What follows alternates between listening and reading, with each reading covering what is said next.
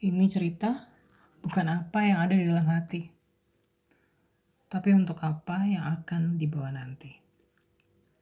Yah, lucu sih. Bukan aku, bukan dia, tapi untuk kita semua. Nikmati jarak ini ya. Bukan berarti aku betah dengan jarak.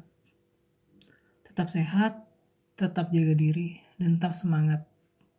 Hai jarak, saya harap kau tak lama-lama berjarak.